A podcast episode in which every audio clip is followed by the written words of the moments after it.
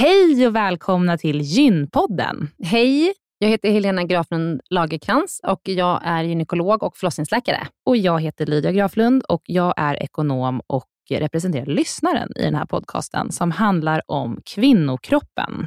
Det är vetenskaplig fakta om kvinnokroppen och det du hör i den här podden är det som man kan höra om man får träffa en läkare eller en barnmorska i ett eh, möte. Men ibland så bjuder vi in gäster som berättar om sina personliga erfarenheter och ibland är det också spekulation, men då är det verkligen tydligt att det är spekulation. Annars är grunden för den här podden vetenskaplig fakta om kvinnokroppen. Så är det. Hoppas att ni vill lyssna. Välkomna. Välkomna.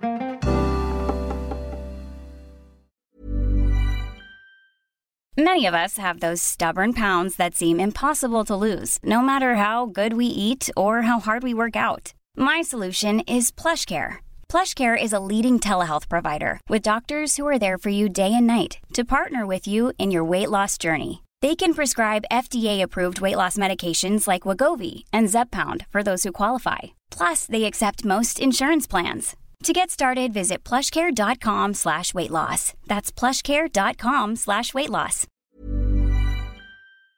Den här veckans avsnitt av Gynpodden är sponsrad av Care. Och Helena, det är ju det bolaget, vårdbolaget, som du och jag har varit med och startat, där vi erbjuder digitala vårdmöten med specialister inom kvinnovård.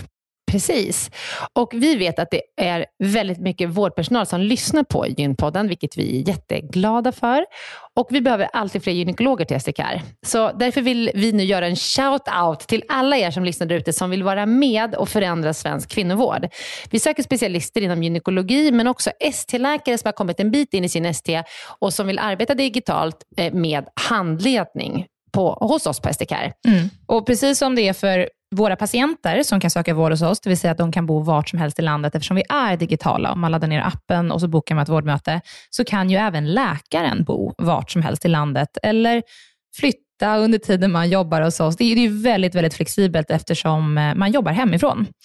Och Jag tänker att det måste ju också vara helt underbart att som läkare kunna arbeta hemifrån och planera sin egen tid några dagar i veckan. Ja, verkligen. Och samtidigt vara med och förändra kvinnovården med kollegor som är otroligt drivna och engagerade. Det är jätteroligt att jobba på SDKR. Och jag tycker att det här är en häftig grej som vi gör just nu, att vi erbjuder gyn, äh, gynvård i hela landet.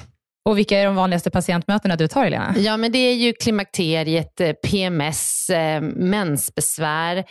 Och det är ju såklart Eh, ärenden och eh, diagnoser som går att hantera digitalt. Men vi remitterar också vidare när det behövs mm. Eh, och tar labbprover när det behövs mm. och så vidare. Mm. Så gå in på sdcare.com, klicka på jobba hos oss i menyn för att läsa mer och skicka in en ansökan. Tack så mycket. Tack och välkomna. Hej och välkomna till Gynpodden. Hej. Helena, ja. idag ska vi prata om gynekologisk cancer. Mm. Vad finns det för cancersorter? Ja, det är ju en jättebra fråga, för att de som man hör i samhället mest liksom, är ju om eh, livmoderhalscancer, och livmodercancer och äggstockscancer. Mm. Det är de vanligaste sorterna. Vi ska prata om lite om hur vanliga de är. Det finns ju lite liksom, ovanliga sorter som man knappt träffar på ens som gynekolog, men jag tänker att vi ändå kan så här, nämna någon liten, litet liksom, om varje, mm. eller vi kan ta upp några som vi ändå är värt att nämna, som kan drabba framförallt unga kvinnor. Där ja. Det jag minns, att vi, vi har inte pratat om det här så mycket alls tidigare. Nej. Men jag, minns jag har dragit på det här avsnittet, för jag tycker att det här är lite tungt och svårt att prata om. Ja, det är det ju. Mm. Eh, verkligen. Men, men det jag minns är att vi har tagit upp i HPV-avsnittet, eh, så pratade vi om livmoderhalscancer mm. och att vi har kunnat minska det med 50 procent för att vi har tagit cellprovtagningar mm. eh, sedan 60-talet, läste ja. jag. Fantastiskt. Och det är ju helt otroligt. Jag minns att vi sa då att eh, tänk om det faktiskt är en cancersort som man kan utrota. Med vaccinationen så tror man att man kan utrota den. Om man nu får alla kvinnor och män att vaccinera sig och dessutom denna cellprov, mm. så då tror vi att man kan utrota den sortens cancer. Ja. Men det här ska vi prata jättemycket mer om med dagens gäst. Så nu släpper vi in gästen. Helena, vem ja. är det? Det är Sahar Salehi. Välkommen! Woo! Tackar. Nej, hur sa jag ditt namn nu? Sahar Salehi. Ja, egentligen är det Sahar, men Sahar. alla säger Sahar och det går, det går alldeles utmärkt. Det är för att det är så här försvenskad form. Precis. Sahar. Just ja.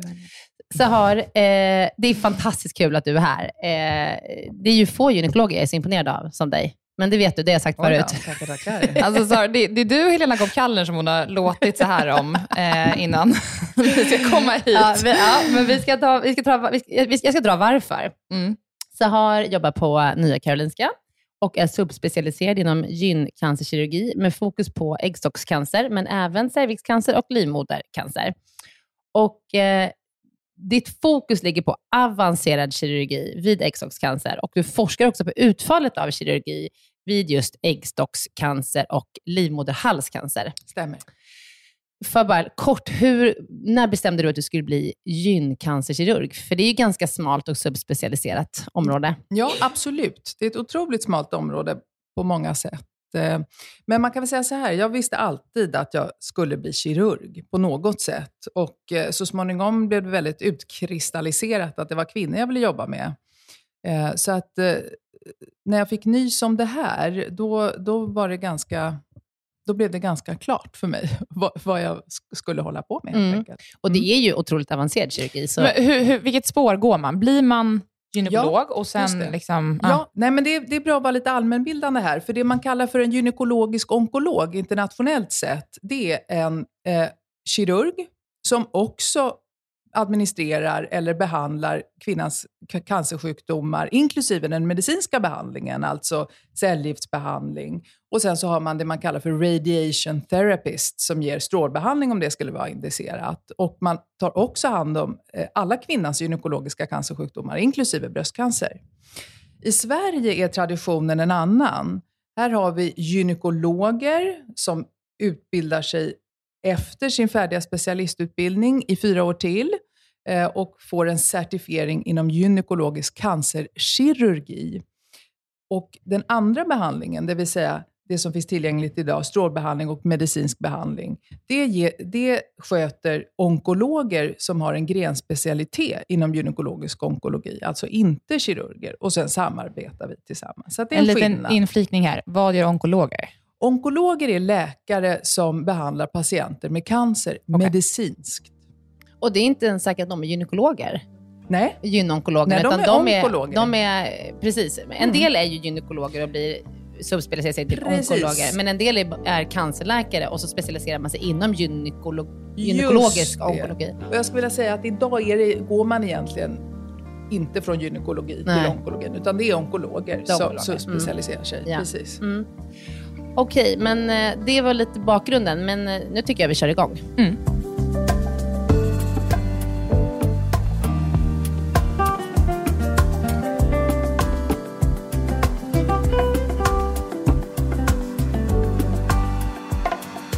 Det är väl framförallt tre typer av cancer som jag tänker att vi ska prata mest om idag. Eh, och Det är livmoderhalscancer, äggstockscancer och livmodercancer. Mm. Men om vi börjar med livmoderhalscancer. Mm. Vad är det? Var, var, var kommer den ifrån? Ja. Livmoderhalscancer utgår från eh, livmoderhalstappen kan man säga, det man, eller från kana, livmoderhalskanalen. Och varför man utvecklar livmoderhalscancer, det vet vi ju inte, som med alla andra cancersjukdomar. Det vi däremot vet, och som den här Surhausen fick Nobelpris för, det är att det krävs en viss typ av ett virus, ett, en viss typ av HPV-virus för att man ska kunna utveckla den här cancersjukdomen i livmoderhalsen.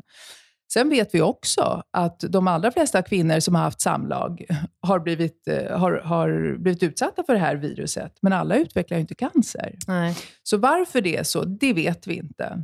Och eh, livmoderhalscancer är, kan man säga, den eh, unga kvinnans sjukdom, cancer, gyncancersjukdom, men medianålder, alltså hälften är äldre, hälften är yngre, är i Sverige 49 år. Eh, och det är som en tvåpucklad incidens kan man säga. Och med incidens menar man att insjuknandegraden Eh, den går vid 35 så är det en puckel och sen vid ungefär 70-75 är det en puckel också. Det är ju intressant. Varför är det så för? Ja, det är sannolikt så att eh, de här cellproven som du tidigare nämnde, som introducerades på 60-talet för att hitta förstadier till livmoderhalscancer och därmed kunna behandla bort det innan eh, det blir en livmoderhalscancer, de slutar man med vid en viss ålder. Och eftersom man inte går på cellprovskontroller då, då får man en till puckel när man är lite äldre kan man säga. När slutar man ta cellprovtagning? Den senaste analysen som har gjorts eh, är att man ska ta cellprov upp till 70 års ålder. Men så jag vet inte jag om det är implementerat ännu, men ja. det är det som är rekommenderat. Men varför kommer en puck vid 35 då? Ja, det vet vi ju inte heller riktigt varför Nej. det är på det sättet. Så det är ingen förändring som vi har gjort alltså i processerna och rutinerna, utan det är Nej. någonting som är biologiskt? Eller? Nej, det kan man kanske inte säga att det är biologiskt, men sannolikt är det så att man kanske har fött sina barn och vi vet att en graviditet i sig kan hämma immunförsvaret på ett visst sätt, så man kanske är mer mottaglig för det här viruset och sen att utveckla sin cancer. Eh, eh, och, och då kanske kvinnor också har börjat gå på sina cellprovskontroller lite mer ordentligt i samband med mödravårdscentralkontrollen. Eller, ja. Kan man tänka sig också att det ändå är en sån långsamt utvecklande cancersjukdom, mm. att det är liksom ett visst antal år efter sexualdebut? Och... Just det. Just att det. det. kan ha med det att göra också. Men nu spekulerar vi ju lite ja, där. Men, nu spekulerar ah, för Man vet inte spekulation. exakt. Ja, spekulation. Nej, men det vet vi inte. Nej. Men det är helt klart så att de kvinnor som inte deltar i screeningprogrammet, de har en mycket högre risk för att utveckla livmoderhalscancer. Ja. Men inte. det här gör jag lite orolig då, för det känns inte, jag känner inte att jag har blivit kallad på jättelänge. Nej. Vart vänder man sig då? Ja, det här, är ju, alltså det här är ju ett problem. Kvinnor vet inte när man tog cellprov senast och har väldigt svårt att hålla det. Liksom hålla, alltså jag minns att, att det var ett tag innan pandemin. Ja, och nu sen, är det några år sedan. Och sen nu under pandemin så finns en stor osäkerhet kring om ja. man har blivit kallad i tid. Det jag kan säga är, jag, det jag skulle vilja lägga till här, det är att många kvinnor har fått eh, kallelse med hemtest under pandemin och det kommer vi fortsätta med i många regioner. Mm. Eh, och, det är, och då har jag hört otroligt många gånger att ja, jag fick det där hemtestet, men jag struntade i det för jag vill hellre gå till barnmorska. Men då ska man veta att hemtest är lika säkert Definitivt. som det är ett bra. Ja. Mm. Så ta det hemprovet, för, eller hemtestprovet, för det är nämligen så att man screenar ju för viruset. Så man behöver inte upp och liksom skrapa på livmodertappen för att ta reda på... Det var jätteskönt att slippa ja, skrapa. Ja. ja. men exakt. Så ta det där hemtestet och se till att ni skickar in det. För Det är så många patienter som jag har haft som säger så här, ja men det ligger här och skräpar någonstans. Låt det inte ligga och skräpa. Skicka in det. Ja. Det räddar liv. Ja, okay. mm. Mm.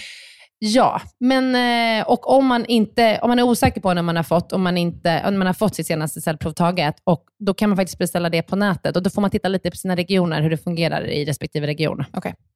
Livmoderhalscancer, hur, om man, man, det börjar oftast med att man tar det här cellprovet. Då. Det är ju, och Sen så upptäcker man att man har ett HPV ett högrisk HPV heter det då.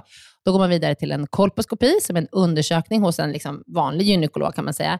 Om man då får reda på att man har cancer, då kommer man till dig Sahar. Mm, Vad precis. händer? Ja, precis som du säger, ungefär hälften av alla kvinnor som får livmoderhalscancer, och idag är det bara faktiskt ungefär 450-500 kvinnor om året i Sverige som insjuknar i livmoderhalscancer, tack och lov. Det är ju fortfarande en stor artikel i, i an, andra länder i världen som inte har eh, eh, sån här screening. Eh, så hälften av alla patienter med livmoderhalscancer, de får sin diagnos till följd av cellprovsscreeningen och hälften får sin diagnos till följd av symptom som gjort att de söker gynekolog. Det vill säga att man får, eh, de vanligaste symptomen det är att man får blödning när man inte ska ha det, mellan menstruationer, när man har samlag. Kontaktblödning kallar vi det för. Eller en olaga, alltså någonting man inte ska ha, olaga flytning eh, som, har, som är nytillkommet. Eh, så det är extremt ovanligt att man har symptom som vid en avancerad livmoderhalscancer, alltså när cancern har växt och kanske eh, trycker på eh, lymfbanor eller kärl som gör att man får ont i benen eller svullna ben. Det händer inte idag i västvärlden, tack och lov. Men har man då gjort sin utredning på ett, beroende på ett cellprov eller på symptom hos en ordinarie gynekolog, eller vad man nu har gjort sin utredning eh, ute i landet, då remitteras patienter idag till en universitetsklinik i den regionen de, de, de tillhör.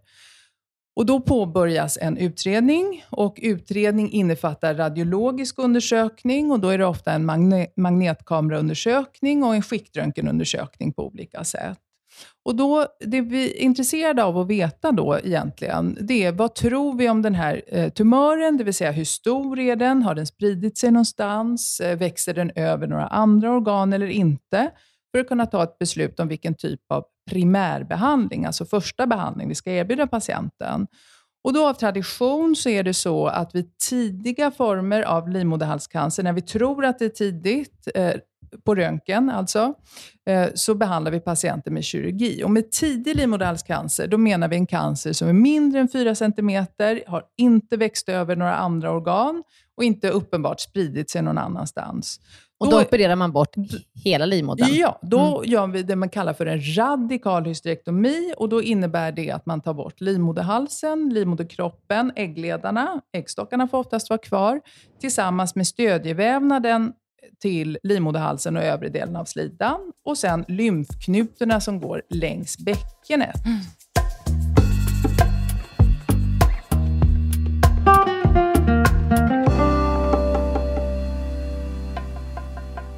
Men du Sahar, de här kvinnorna som är då 35 år, mm. man, det är ju bra att man kan behålla äggstockarna så att mm. man inte hamnar i klimakteriet. Mm. Men vad får man för symptom eh, och kan man få, vad får man för besvär efter en sån operation? Om man tänker lite långsiktigt, inte precis efteråt. Ja, men precis. De allra flesta får faktiskt inga större besvär efteråt, vilket är bra.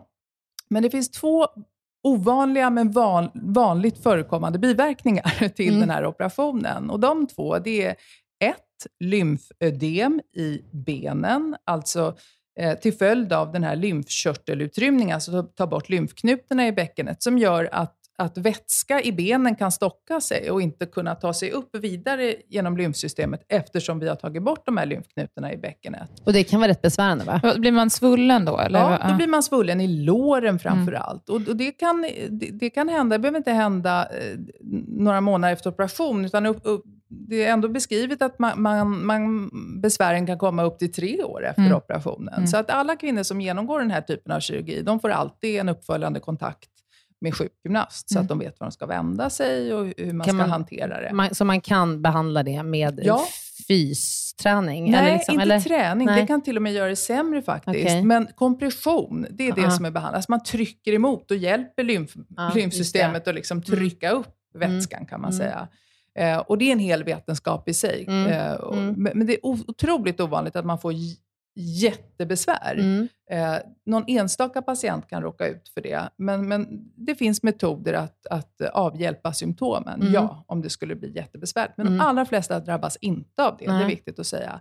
Den andra van, va, ovanliga men vanligt förekommande biverkningen av en sån här operation, det är att man har svårt att kissa efteråt. Mm. Det vill säga inte att man kissar på sig, eh, utan tvärtom, att man har svårt att tömma urinblåsan. Och då kan det vara svårt till och med att känna att man är kissnödig. Eh, det är också ovanligt, men det händer, händer och ibland så är det så att man till och med eh, inte alls kan känna när man blir kissnödig och då får lära sig att tappa sin urinblåsa själv. Men eh, det brukar oftast vara så att har man sådana symptom efter operationen så brukar det förbättras inom några månader och går alldeles utmärkt sen, mm. i vilket fall som helst. Men och alla kvinnor opereras inte. Har man då en större tumör eller mm. att det är överväxt, då får man strålning, eller hur? Precis. Ungefär hälften av alla kvinnor har det vi, vi tror är en tidig livmoderhalscancer. Och då opererar vi de patienterna som vi har beskrivit precis. Och av de patienter vi opererar så har ungefär 10-15 procent ändå en mikroskopiskt spridd sjukdom till lymfkörtlarna. Och de det upptäcker man när man opererat och undersöker lymfkörtlarna? Precis, mm. exakt. Det är därför man måste ta bort alla lymfkörtlar? Ja, för man vet inte innan innan. Och röntgen har inte kunnat indikera om det är så, utan det får man titta i mikroskopet och se. Så att även om, av de vi opererar så kommer en, en liten andel ändå att behöva mer behandling efteråt. Och Sen är det ju också då hälften av patienterna som har mer avancerad tumör från början. Och De får ju också annan behandling än kirurgi. Och Den innefattar då strålbehandling egentligen. Mm. Och cellgifter va? Ja, mm. och cellgifterna ger man en gång i veckan. Man får strålbehandlingen varje dag, ungefär mellan fem till sex veckor, beroende på hur man ger. Samtidigt brukar det vara så att man en eller två gånger också får inre strålbehandling, det vi kallar för brachybehandling. Och samtidigt, eh, en gång i veckan, brukar man också få cellgiftsbehandling. Och den är, inte till, den är egentligen till för att eh, göra strålbehandlingen mer effektiv, kan man säga. Och den cellgiftsbehandlingen tappar man inte håret av eller så. Just det. Men om, och jag vet att många patienter känner så att och jag vill bli opererad för det känns tryggare, mm. bara bort med det. Mm. Men strålbehandlingen, och speciellt om man får både den här yttre och den här inre behandlingen, mm. är ju otroligt effektiv idag. Det är den och det har den alltid varit kan man säga. Ja. Och just strålbehandling har ju Sverige varit i förfronten och Stockholm mm. eh, redan från början kan man säga. Den utvecklades ju här på Radiumhemmet på Schelegatan en gång i tiden eh, för behandling av livmoderkropps och sedan även livmoderhalscancer. Vad är överlevnadschansen om man får livmoderhalscancer? Jo, men eh, vi gör ju det vi kallar för en stadieindelning eh, vid alla former av cancersjukdomar för att kunna sätta ett, en siffra på hur långt, cancersjuk, hur långt cancersjukdomen har brett ut sig anatomiskt i kroppen. Och, Och så förstår jag att man har olika chanser beroende på vart Ja, man är i stadiet. oftast då. är det så. Precis. Oftast är det så att ju tidigare man har hittat cancern, desto bättre chans är det Ja. till, till överlevnad. Men det finns ju massa andra saker som också spelar roll. Ja. Inte bara vilket stadium man har. Har man bättre chans att överleva om man är yngre? När man får diagnos? Eh, det tror jag inte man kan säga. Nej. Men vad, okej, vilka stadier har vi? Är det 1 till 4? Ja, eller? det brukar vara 1 till 4 i princip för alla cancersjukdomar. Mm. Exakt. Och, och 1 är den tidigaste formen och 4 är den Mm. mest avancerade formen. Och vad är chansen då? Är de olika? Ja, eh, chansen till överlevnad vid tidig livmoderhalscancer, den är extremt god. Ja. Och sen så finns det ju undergrupper kring det. Så att de allra, allra flesta blir botade kan man säga. Det är fantastiskt. Ja, det är det. Ja. Men också, alltså, prognosen är också god vid mer avancerade stadier. Allt, eh, kanske inte vid det mest avancerade stadiet, Nej. men mellanstadierna, där är inte alls särskilt dålig överlevnad. Men är det särskilt många som hamnar i det senaste stadiet? Nej, det är ovanligt att ha det absolut senaste stadiet. Det är det. Utan antingen har man den tidiga livmoderhalscancern, ungefär hälften eh, får diagnos vid, vid tidigt stadium. Eller så har man de här mellanstadierna kan man säga, som man kan behandla vä- väldigt väl med strål och cellgiftsbehandling. Där majoriteten faktiskt ändå också överlever sin Ja, Ja, cancersjukdom. det är fantastiskt. Vi ska ju prata om um, äggstockscancer och livmodercancer Ja. också, men bara sätta dem i relativitet till varandra. Eh, hur, hur farliga är de olika? Liksom äggstockscancer, då, innan vi ens går in på det, men bara för att prata om det i samband med varandra. Hur, Just vad är liksom överlevnadsgraden för det och hur orolig ska man vara? Och då är det viktigt att också komma ihåg det här med stadieindelningen. Det vill säga, om du har en tidig livmoderhalscancer eller en tidig äggstockscancer eller en tidig livmoderkroppscancer, eller livmoderslemhinnecancer, då har du en god prognos och blir allt som oftast botad av din cancersjukdom. Så att överlevnaden totalt sett, det handlar ju om hur stor andel av patienter i de olika diagnosgrupperna som får sin diagnos i vilket stadium, så att säga.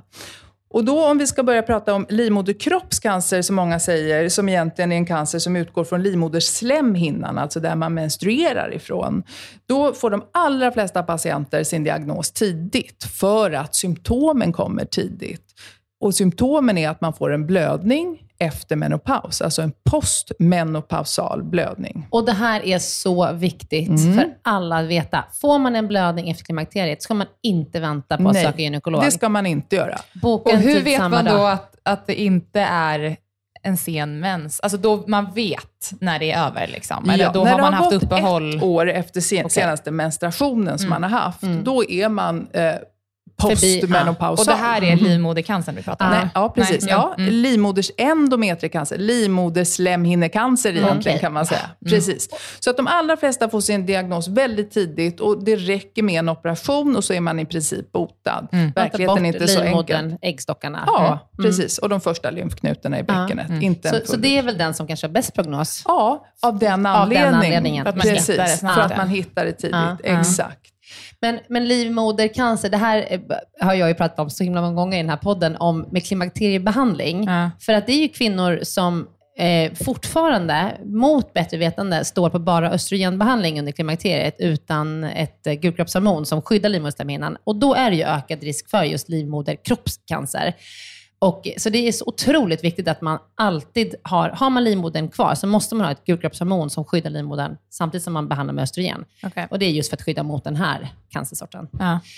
Men, och eh, och ja. sista då, som Men och så jag vill jag bara nämnde. säga jättekort till också, det är ju äldre, den äldre kvinnans sjukdom, En eller äldre hur? kvinnans sjukdom där hälften av patienterna får sin diagnos innan 69 och hälften efter 69. Så medianåldern är 69. Just det. Mm. Och äggstockscancer. Och äggstockscancer, den är, det är en sjukdom som är lite lurig. Varför då? Jo, för att den ger inte symptom. Förrän cancern har spridit sig ganska ordentligt inuti magen. Mm. Äggstockscancer är ju cancersjukdomar kan man säga som utgår både från ytan av äggstocken, insidan av äggledan och direkt för det vi kallar för bukhinnan. Bukhinnan är en tunn genomskinlig film, ungefär som gladpack, som klär bukens alla organ. Och eh, den här cancern älskar att sätta små frön, små utsådder av cancer tidigt, tidigt i förloppet ute på bukhinnan. Och så symptomen är extremt vaga. Man kan få kanske sådär, när man känner att magen har börjat växa, man kan inte knäppa byxorna eller kanske lite lätt illamående eller kanske att tarmarna inte riktigt fungerar som de brukade göra. Så är det ju jätteofta. Ja, det är ja. ju det. Mm. Så att det och, och, och därför så får de allra flesta patienter dessvärre eh, sin diagnos när sjukdomen har spritt sig redan inuti ja. magen. Va? Mm. Så, så här upptäcks de flesta i stadium Tre, Tre eller fyra. Eller fyra. Mm. 70 procent eller mm. mer. Faktiskt. Kan man screena det här på något sätt? För det låter ju som att det kanske är den vanligaste orsaken till att man går bort av Precis. gynekologisk cancer. Ja. Mm. Exakt. Äggstockscancer är fortfarande den dödligaste gynekologiska cancersjukdomen. Just mm. av den anledningen att majoriteten av patienter får sin diagnos sent helt enkelt. Jewelry isn't a gift you give just once. It's a way to remind your loved one of a beautiful moment every time they see it. Blue Nile can help you find the gift that says how you feel and says it beautifully with expert guidance and a wide assortment of jewelry of the highest quality at the best price. Go to BlueNile.com and experience the convenience of shopping Blue Nile, the original online jeweler since 1999. That's BlueNile.com to find the perfect jewelry gift for any occasion. BlueNile.com. Quality sleep is essential. That's why the Sleep Number Smart Bed is designed for your ever evolving sleep needs. Need a bed that's firmer or softer on either side? Helps you sleep at a comfortable temperature? Sleep Number Smart Beds let you individualize your comfort so you sleep better together. JD Power ranks Sleep Number number 1 in customer satisfaction with mattresses purchased in-store. And now, save 50% on the Sleep Number limited edition Smart Bed for a limited time. For JD Power 2023 award information, visit jdpower.com/awards. Only at a Sleep Number store or sleepnumber.com. Den här veckan så är Gynpoddens avsnitt sponsrat av hemsidan mittpreventivmedel.se som är en informationshemsida gjord av Bayer. Mm. Och vi har pratat om den tidigare i avsnitt eh, om att eh, det finns olika tester du kan ta, eller det finns ett test du kan ta. Du kan också gå in och jämföra olika preventivmedelsmetoder för att se vilken som är bäst för dig och du mm. kan titta på en film där mm. du kan förbereda dig inför att du ska träffa barnmorska eller gynekolog och skaffa ett preventivmedel.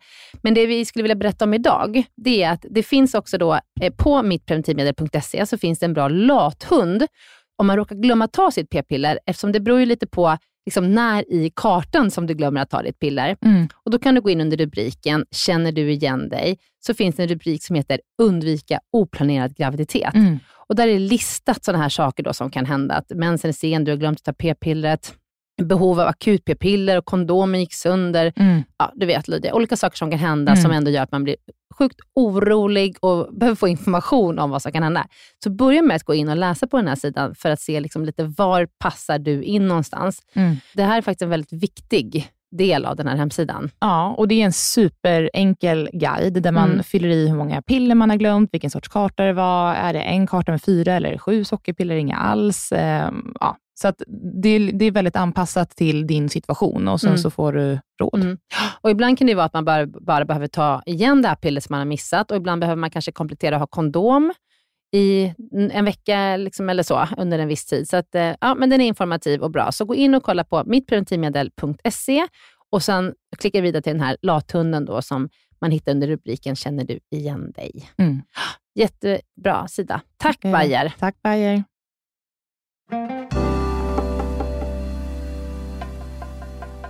Finns det någon anledning att när man är klar med sitt barnafödande att eh, ta bort livmodern och äggstocken? Eller liksom, eh, ja. ja. Jag förstår att du frågar det ja. nu när vi har pratat om allt ja. det här, men jag skulle säga absolut nej.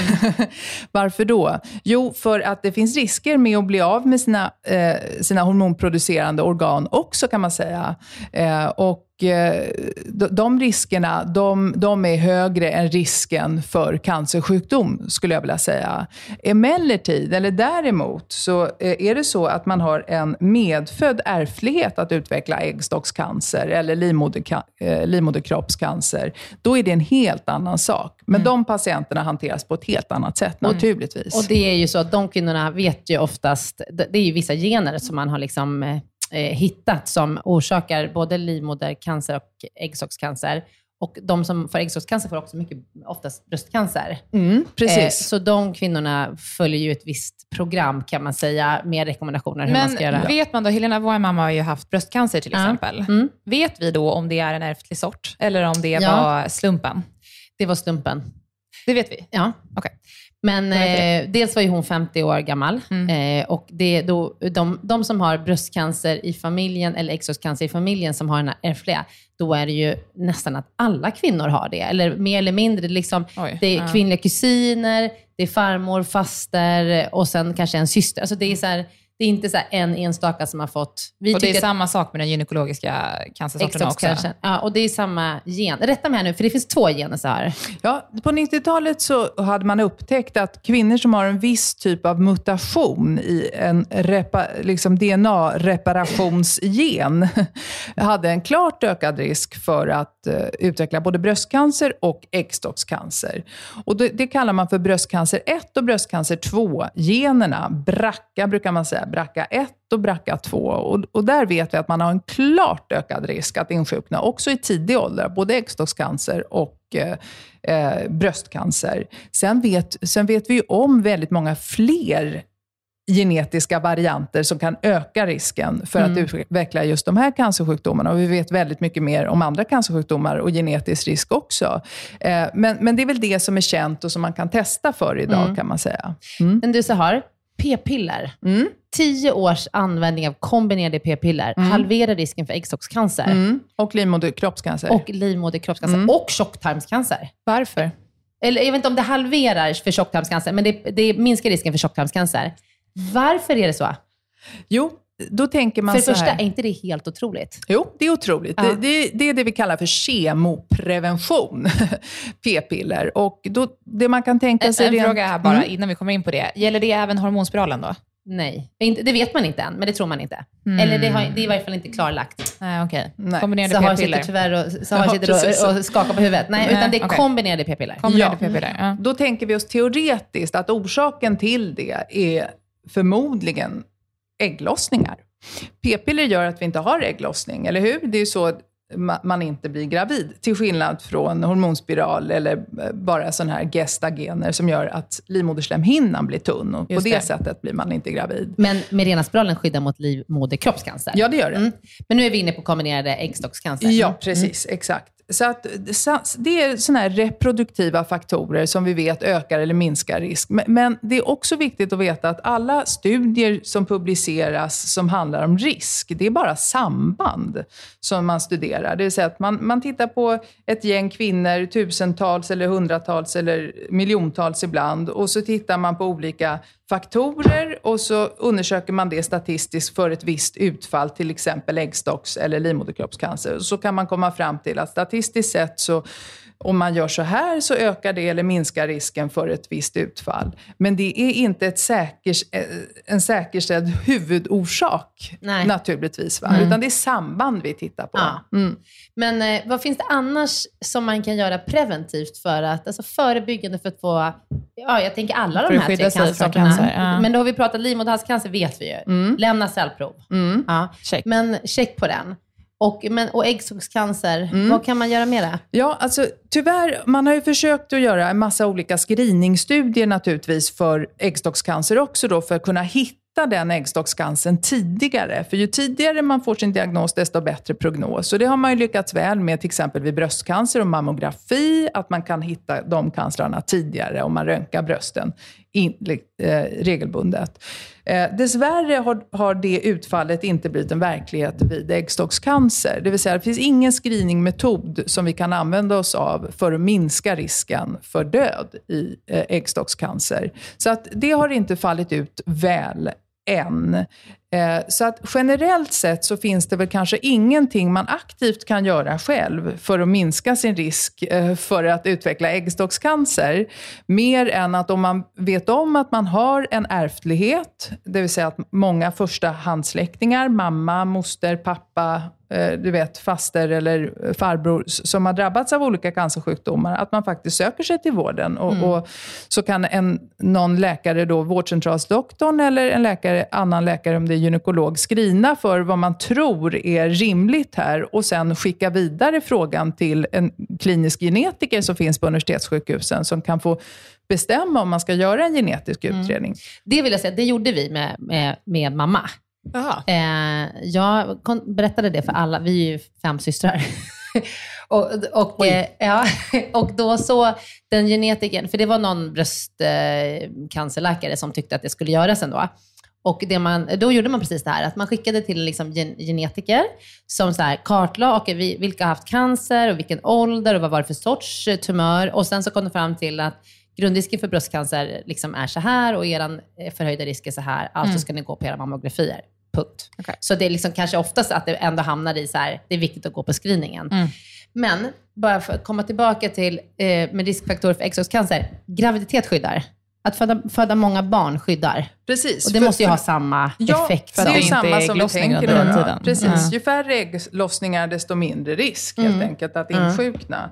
Men sen så, det, det, allting får man ju ta en in, eh, liksom, Det finns ju för och nackdelar med allting. Det finns ju trots allt studier som också visar att eh, p-pillerbehandling ökar risken för bröstcancer. Mm. Å andra sidan, även mm. fast det minskar risken för mm. äggstockscancer. Så att, eh, Ja, mm, jag fattar. Det är inte alltid Nej. helt lätt. Men, ju, men, jag tänker att det är lättare att upptäcka bröstcancer än äggstockscancer. Ja, det är ju det. Så att i, min, i min hjärna så känns mm. det ju som att, att eh, det är bättre om man nu ska säga, ta det ena eller andra. Men om man också ska säga så att p-piller, det här som vi pratade om, skyddet mot eh, äggstockscancer och livmoderkroppscancer, det skyddet kvarstår hela livet. Mm. Medan risken, den, den förhöjda risken för bröstcancer av p-piller, den avtar så fort man slutar med sina p-piller. Okay. Och de, många kvinnor är ju väldigt unga när de äter p-piller, så att man har en, en, ganska låg grundrisk. Så att det, är liksom, det är väldigt få som insjuknar i bröstcancer av p-piller. Alltså, man ska alltid ta, man ska såklart ta det här med i beaktande när man mm. liksom står på p-piller, men den risken sjunker eller, och avtar efter att man slutar med sina p-piller. Okay. Mm. Eh, Sen ska vi inte glömma att bröstcancer är den vanligaste mm. kvinnliga mm. cancersjukdomen. Va? Det är mm. ungefär 8000 kvinnor varje år som mm. insjuknar, till skillnad från äggstockscancer. Mm. Det är väldigt ovanligt trots allt. Det är 650 om året ungefär. Det är 650 per år. Och hur gammal är, vad är medianåldern för äggstockscancer? Ja, det är också den liksom medelålders kvinnan, kanske lite äldre. Medianåldern, alltså hälften är yngre, hälften är äldre, ligger på 63 år vid okay. äggstockscancer.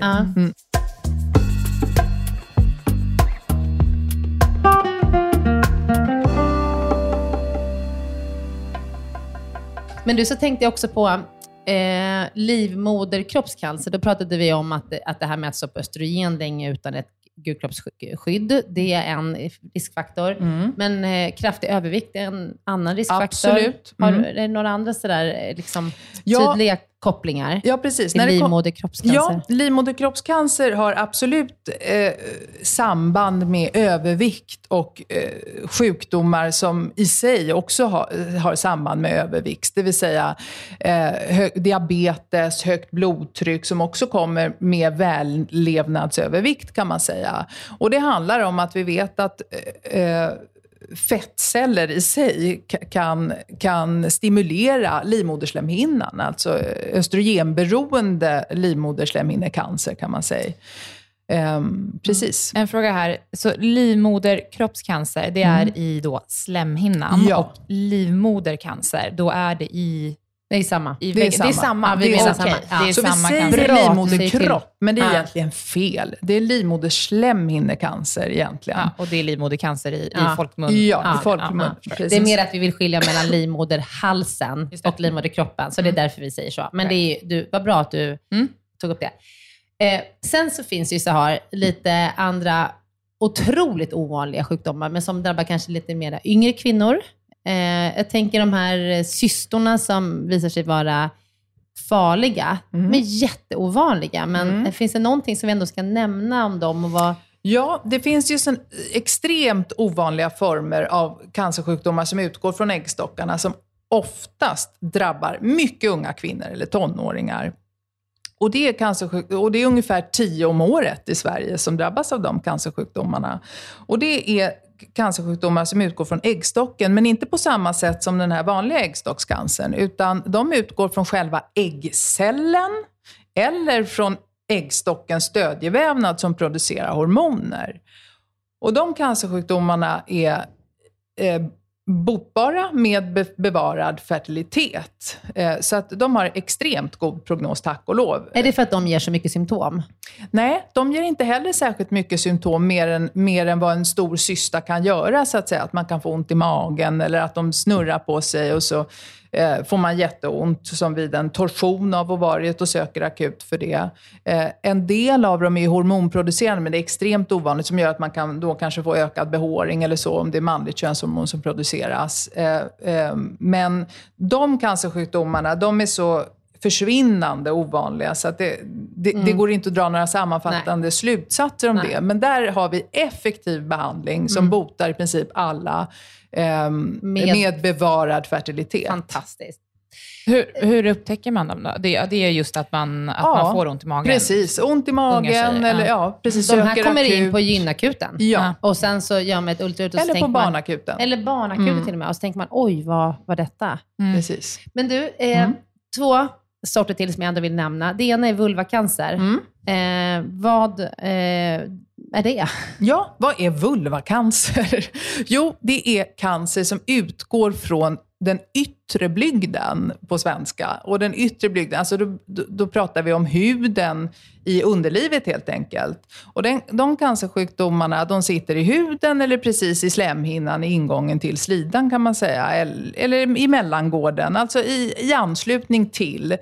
Eh, och det är verkligen den äldre kvinnans sjukdom. Och de är också jätteovanliga. Eh, och det är ungefär 100-150 patienter om året som drabbas av cancer i yttre blygden. Och där har man symptom ofta. Du vet, man känner en knöl eller någonting som blöder. Eller något Sår sånt som inte läker. Ja, precis. Mm. Alltid, alltid söker vi sår som inte läker. Ja. Mm. Och det är väldigt lätt då att ta en, ett litet prov därifrån och så får man sin diagnos. Eh, och så behandlar man därefter. Mm. Precis. Och sen tänkte jag på en annan mycket märklig cancersort som är vid eh, druvbörd. Mm. Vad är druvbörd? Kan vi Ja, börja kan vi börja med det? Ja, alltså det där är ju väldigt roligt det här med druvbörd. För att det är alltså cancer som utgår från själva graviditetscellerna. och det är ju lite konstigt Ja. att det kan bli så. Druvbörd, jag kan bara säga vad det är liksom som, eh, utan att det är cancer. Det är att eh, man blir gravid och sen så, nu, nu får du hjälpa mig lite här Sahar, men det är eh, i äggcellen så penetrerar liksom två spermier. Alltså man har två manliga genuppsättningar och en äggcell. Det går inte. Alltså det blir inte en normal graviditet. Det andra är att det är en tom äggcell och två spermier, så man har bara två manliga. Alltså XY, XY Men och vänta, inget vad, XX. vad, vad är skillnaden från att du får tvillingar? Här. Ja, då har du liksom en spermie, ett ägg som delar sig, eller två spermier och två ägg. Så man har ju Ah. liksom en normal genuppsättning. Ja. Här är det liksom ett ägg där två spermier lyckas ta sig in, vilket inte Ah. ska gå. Och Nej. då blir det druvbörd, eller det som också kallas Mola. mola. Gud, jag fick hjärnkäpp. Det kallas mola. Eh, och- Hydatidos- Hydatidosa. Ja, Okej, nu går vi vidare.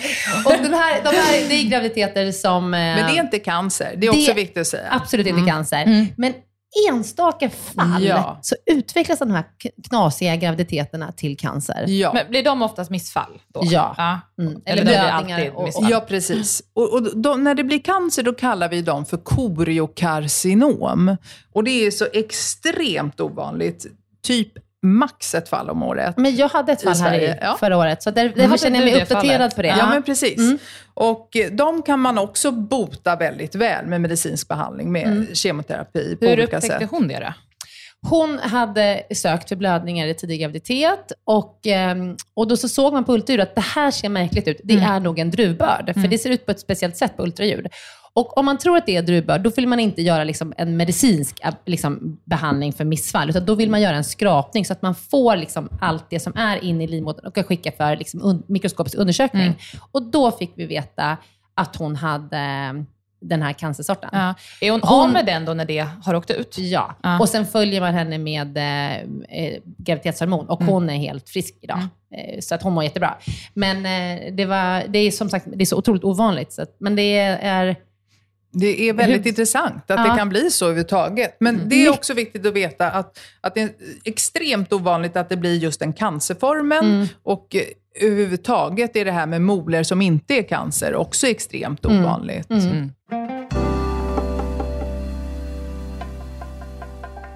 Så har, vad har vi glömt att nämna när det kommer till gynekologisk cancer? Tycker du ser framtiden ljus ut? Ja, det tycker jag. Och eh, anledningen till det, Eh, om vi ska prata eh, livmoderhalscancer, så är jag ganska övertygad, och det är inte bara jag, om att det kommer vara ett minne blott. så småningom. Jag vill typ, alltså jag, på riktigt så blir jag, jag blir tårögd när jag hör det. Jag tycker så otroligt att det är så. Mm. Och framförallt om man tänker i våra u-länder, att, att det, det här är ju nummer ett, kvinnodödaren. Alltså kvinnor med barn och, som tar hand om barnen i de här fattiga länderna. Om de kan bli vaccinerade och slippa dö i sina sjukdomar, det är ju fantastiskt. Att man kan vaccinera bort en cancer. Så att för livmoderhalscancer ser det ju extremt ljust ut. Ja. Eh, för äggstockscancer Alltså, den oroar jag mig mest för nu. Mm, men det börjar se ljusare och ljusare ut. Och Det handlar om de medicinska behandlingar som kommer. Och Det handlar om att vi vet så him Vi har sett att undersöka cancersjukdomar i mikroskop eh, på ett helt annat sätt. Vi kan gå in på eh, molekylär nivå och se vad är det som triggar en cancer, vad är det som inte triggar en cancer och hitta eh, direkta behandlingsmetoder på receptornivå idag. Och Det gör att vi redan, redan nu har målstyrd behandling vid, äggstocks, vid vissa former av äggstockscancer som faktiskt kan förlänga livet avsevärt. Målstyrd behandling betyder att man vet exakt vart det här är? Exakt, eller? Man går direkt Ja. och dödar cancercellen där man vet att den finns, så att säga. Och inte långt- alla cell, kroppens celler. Är- Är Sverige duktig på att behandla gynekologisk cancer? Ja, skulle jag säga. Och framför allt, är vår stora fördel som ett relativt litet land, det är att vården är centraliserad idag. Det var den inte för 20 år sedan. Och centraliserad vård, det innebär att, att, att eh, man behandlas, patienter behandlas på vissa få ställen, vilket gör att det blir en ansamling av patienter och därmed en mer linjerad vård. Sen Och har- ni blir sjukt duktiga på det ni gör. Ja, vi blir bättre på det vi gör. Eh, Och sen så har vi också våra vårdprogram eh, som är som konsensusdokument. Det vill säga att vi sitter i Sverige tillsammans och pratar om hur vi tycker att så här borde det vara och samlar all vetenskap som finns och, och gör, en, gör en sammanfattning av riktlinjer. Sen är det alltid riktlinjer och inte att man måste eller ska göra för den individuella patienten på ett visst sätt, så att säga. Men, men, men det, det gör att det totalt sett har blivit väldigt mycket bättre för patienter med gynekologisk cancer. Och just den här centraliserade vården som kräver en publikt finansierad sjukvård, den är exceptionellt bra och det finns i princip inte i några andra länder än i de nordiska länderna. Ja, Ja, det låter det, att man ljust. bor här. Ja, Ja, det låter verkligen. ljust. Ja, det är ljust skulle jag säga. Så har det underbart att höra. Du, nu, du vet jag att någon kommer, någon kommer skriva till oss eh, efter att vi har sänt det här och säga så här, men sarkom då? Mm. Ehm, och då tänker jag, det är ju inte riktigt ditt... De tar sig ju inte är hand om sarkom? gynekologer. Eh, Nej, ja. alltså sarkom, det är cancersjukdomar som utgår från muskelceller.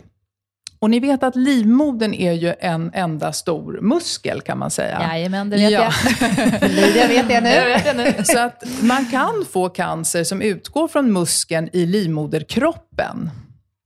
Och Det kallas för, för uterussarkom. Idag så har det blivit så specialiserat så på många universitetskliniker så finns det sarkomenheter. Alltså enheter som bara behandlar patienter med cancer som utgår från muskel eller i- För de kan ju liksom också utgå från låret. Eller Precis. Så det är därför så att Exakt. liksom, så det är inte gynekologiskt rotat? Den sitter ju i livmodern, men den är inte en gynekologisk cancer. Ja, så det säga. sköter egentligen sarkomenheterna. Sen kan det ju finnas eh, fertila kvinnor, alltså unga kvinnor som också drabbas av sarkom. Och då måste ju vi bli inblandade Mm. på något sätt för, för att vara med i, i besluten kring bedöm- behandling. Mm, Ja. Jag har bara en fråga här Ja. gällande läkaryrket. Nu säger du sarkomenheterna. Mm. Hur säkerställer man att man har läkare som specialiserar sig på alla de här olika områdena som Ja. finns? Har vi det? Eller blir det ibland att någon går i pension och så finns det ingen längre? Ja, så kan det bli.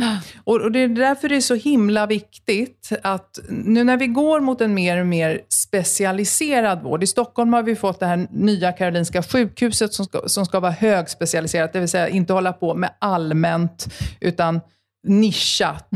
Så att man, som doktor blir man mer och mer nischad, vi- vilket innebär att, att eh, systemet också blir mer och mer sårbart.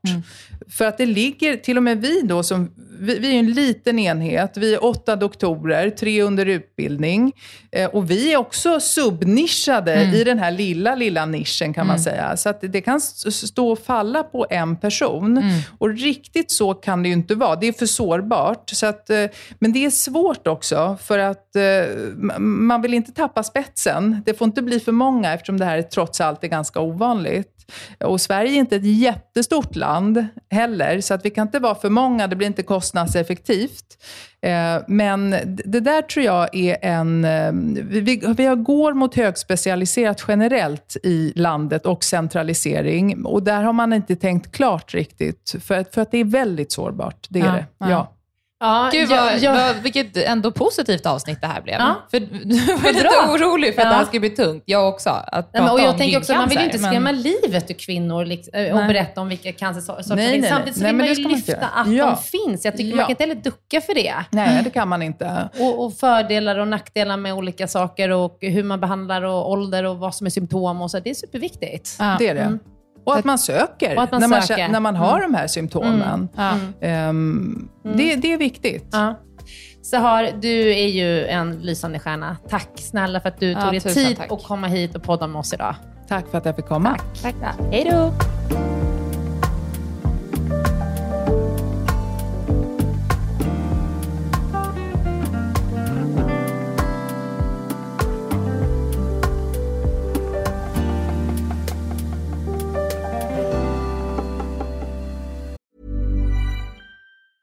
Ever catch yourself eating the same flavorless dinner three days in a row?